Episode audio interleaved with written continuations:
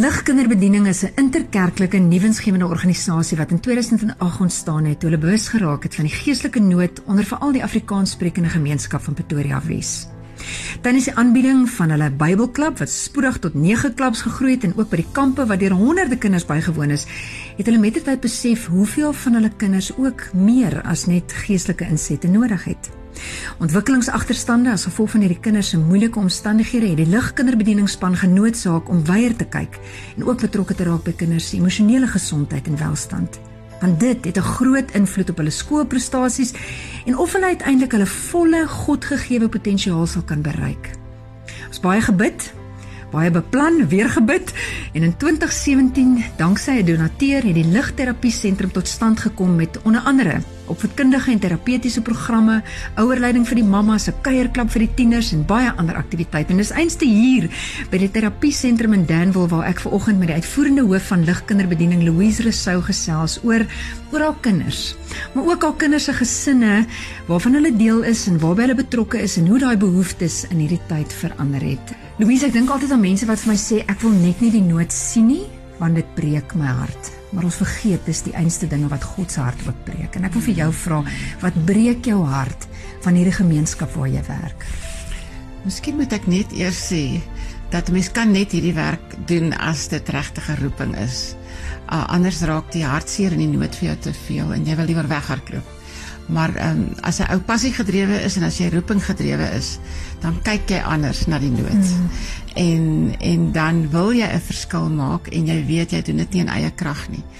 Ehm um, die nood self um, is baie keer weggesteek vir baie mense as 'n mens in Danville in Elandspoort ry dan besef jy nie regtig hoeveel hartseer daar binne in daai erfies is nie. Ons ons vind baie keer dat dit uh, jy kry 'n groot huis van buite af, mm. maar binne in bly daar 3, 4 gesinne, een gesin bly in die garage, een gesin bly in 'n in 'n Wendy agter. Ehm um, so wat binne in gebeur is is dikwels bietjie weggesteek.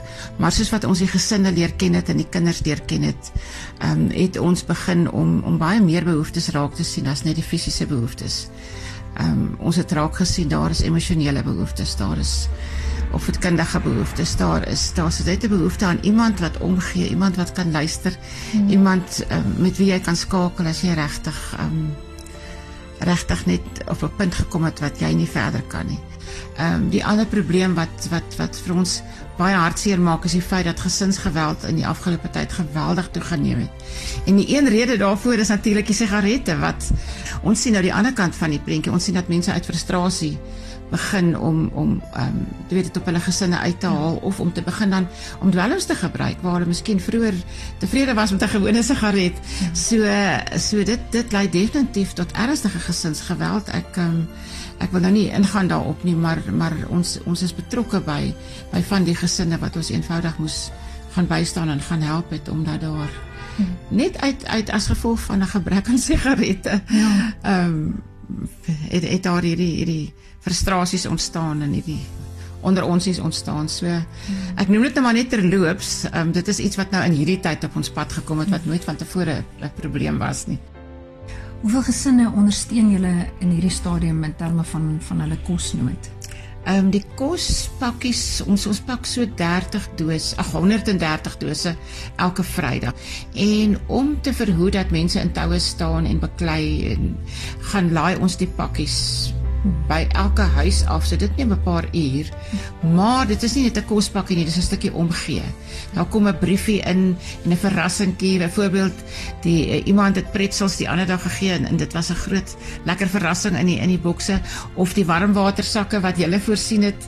Um, ek is nou baie gemotiveerd om nog mense te soek vir nog warmwatersakke te soek sodat ons vir nog meer gesinne kan gee. Ons het ook gesinne wat byvoorbeeld hier in Westfort in 'n plakkers kan bly wat nie ehm um, waar waar daar glad nie elektrisiteit is nie waar die ouens met hout kap om vuur te maak om warm water te kry. En en vir sulke ouens is 'n warm watersak 'n wonderlike geskenk. En van die kinders het my ook gebel en gesê tannie tannie dit is so lekker om met 'n warm watersak te slaap. So ja, ons probeer dit meer as net 'n kospakkie, dis 'n omgee pakkie. En daar kom ook Bybellessies in en pretaktiwiteite uit die Bybel uit en sommer net bemoedigingsbriefies en so aan.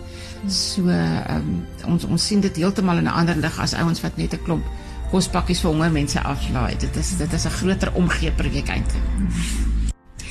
Stap saam met jou deur hierdie sentrum en ek sien waar die tieners gaan gaan kuier op 'n op 'n naweek en ek leer weer eens, dis nie die groot indrukwekkende komplekse programme wat wat ons moet probeer nastreef wat die verskil gemaak het. Dit sal ook 'n verskil maak, maar dis die klein dingetjies van 'n kuierplek skep mm. en regtig by iemand se hart uitkom doen. Dis die klein gewone dinge wat ons as mense heeltemal onderskat. Ja, kyk, ek is natuurlik 'n oud hoërskoolonderwyseres, so ek het 'n spesiale hart vir tieners. En uh, die die kuierklub was een van my van my drome.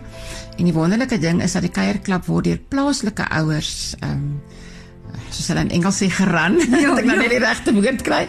Ehm um, en en dan kry ons baie keer mense van buite af wat net sê net maar vir 'n aand kom en kom saam speel met die tieners of hulle getuienis kom gee. Ons vind dat getuienisse veral van mense wat sê net maar ook hier plaaslik groot geword het en dan ergens in die lewe die kans gekry het om uit te styg. Hmm. Daai tipe getuienisse is baie um, inspirerend vir ons kinders. So ons hou nogal daarvan om om sulke mense te vra om sommer net een aand te kom kuier saam met ons en hulle storie te vertel. En dan die ander uh um saak wat my na in die hart lê is natuurlik die ouers van die kinders. Ons kinders is ons is ons hoof fokus, maar elke kind is deel van 'n gesin. So uh, as jy die kind leer ken, dan leer jy ook sy gesin ken en dan raak jy betrokke by die gesin.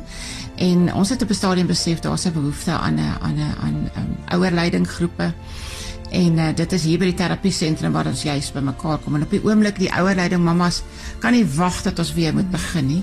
So wat ons op die oomblik doen is om met hulle um, maar virtueel kontak te maak, maar data is maar 'n probleem. Ehm um, veral Elvira, ons ons arbeidsterapeut wat ook mamma en baba groepies um, hier aanbied. Sy doen nou nogal moeite om inspirasie of inspirerende boodskapies vir die vir die mammas te stuur en hulle aan te moedig en hulle skakel ons ook as hulle vrae het en as daar nood is. Ehm um, die die ouerleiding mammas ag ehm um, ek dink hulle hulle mis beslis die by mekaar kom want dis ook deel dis vir my verskriklik belangrik. Ehm um, as hulle hier kom, mag jy ons eers vir hulle koffietjie en ons sit altyd vir hulle melktertjie uit en ag in 'n in 'n broodjie met iets lekkers op. Ehm um, net daai saam kuier is is 'n belangrike deel van die ouer leidinggroep voor ons by die formele deel kom of partykeer doen ons dit ander kant om. Ons gesels eers oor 'n spesifieke onderwerp en dan kuier ons saam. Maar uh, ja, so dit is daai net daai omgee is is vir mense baie belangrik. En vir my natuurlik ook. Ek het haar daarvoor. Ja. Ek wil afsluit en sê baie dankie vir Spar dat ons ook vandag 'n stukkie omgee kan agterlaat in die vorm van 'n geskenkkaart. Ehm um, Tannie Louise het nou genoem van One SA se 40 Acts of Kindness, die warmwatersakke. Dankie daarvoor en uh, as ek so iemand mag uitsonder vir haar hande werk, dan sit 79 jarige Tannie Ronel Bason wat die mooiste truitjies, kouse en misse gebruik en ook 'n paar sweetpakke gemaak het vir die kinders van ligkinderbediening. En uh, soos julle nou gehoor het, dit gaan oor die omgee en ek ek bid regtig dat hierdie kindertjies hierdie dierbare tannie se liefde so aan hulle lyfie sal voel.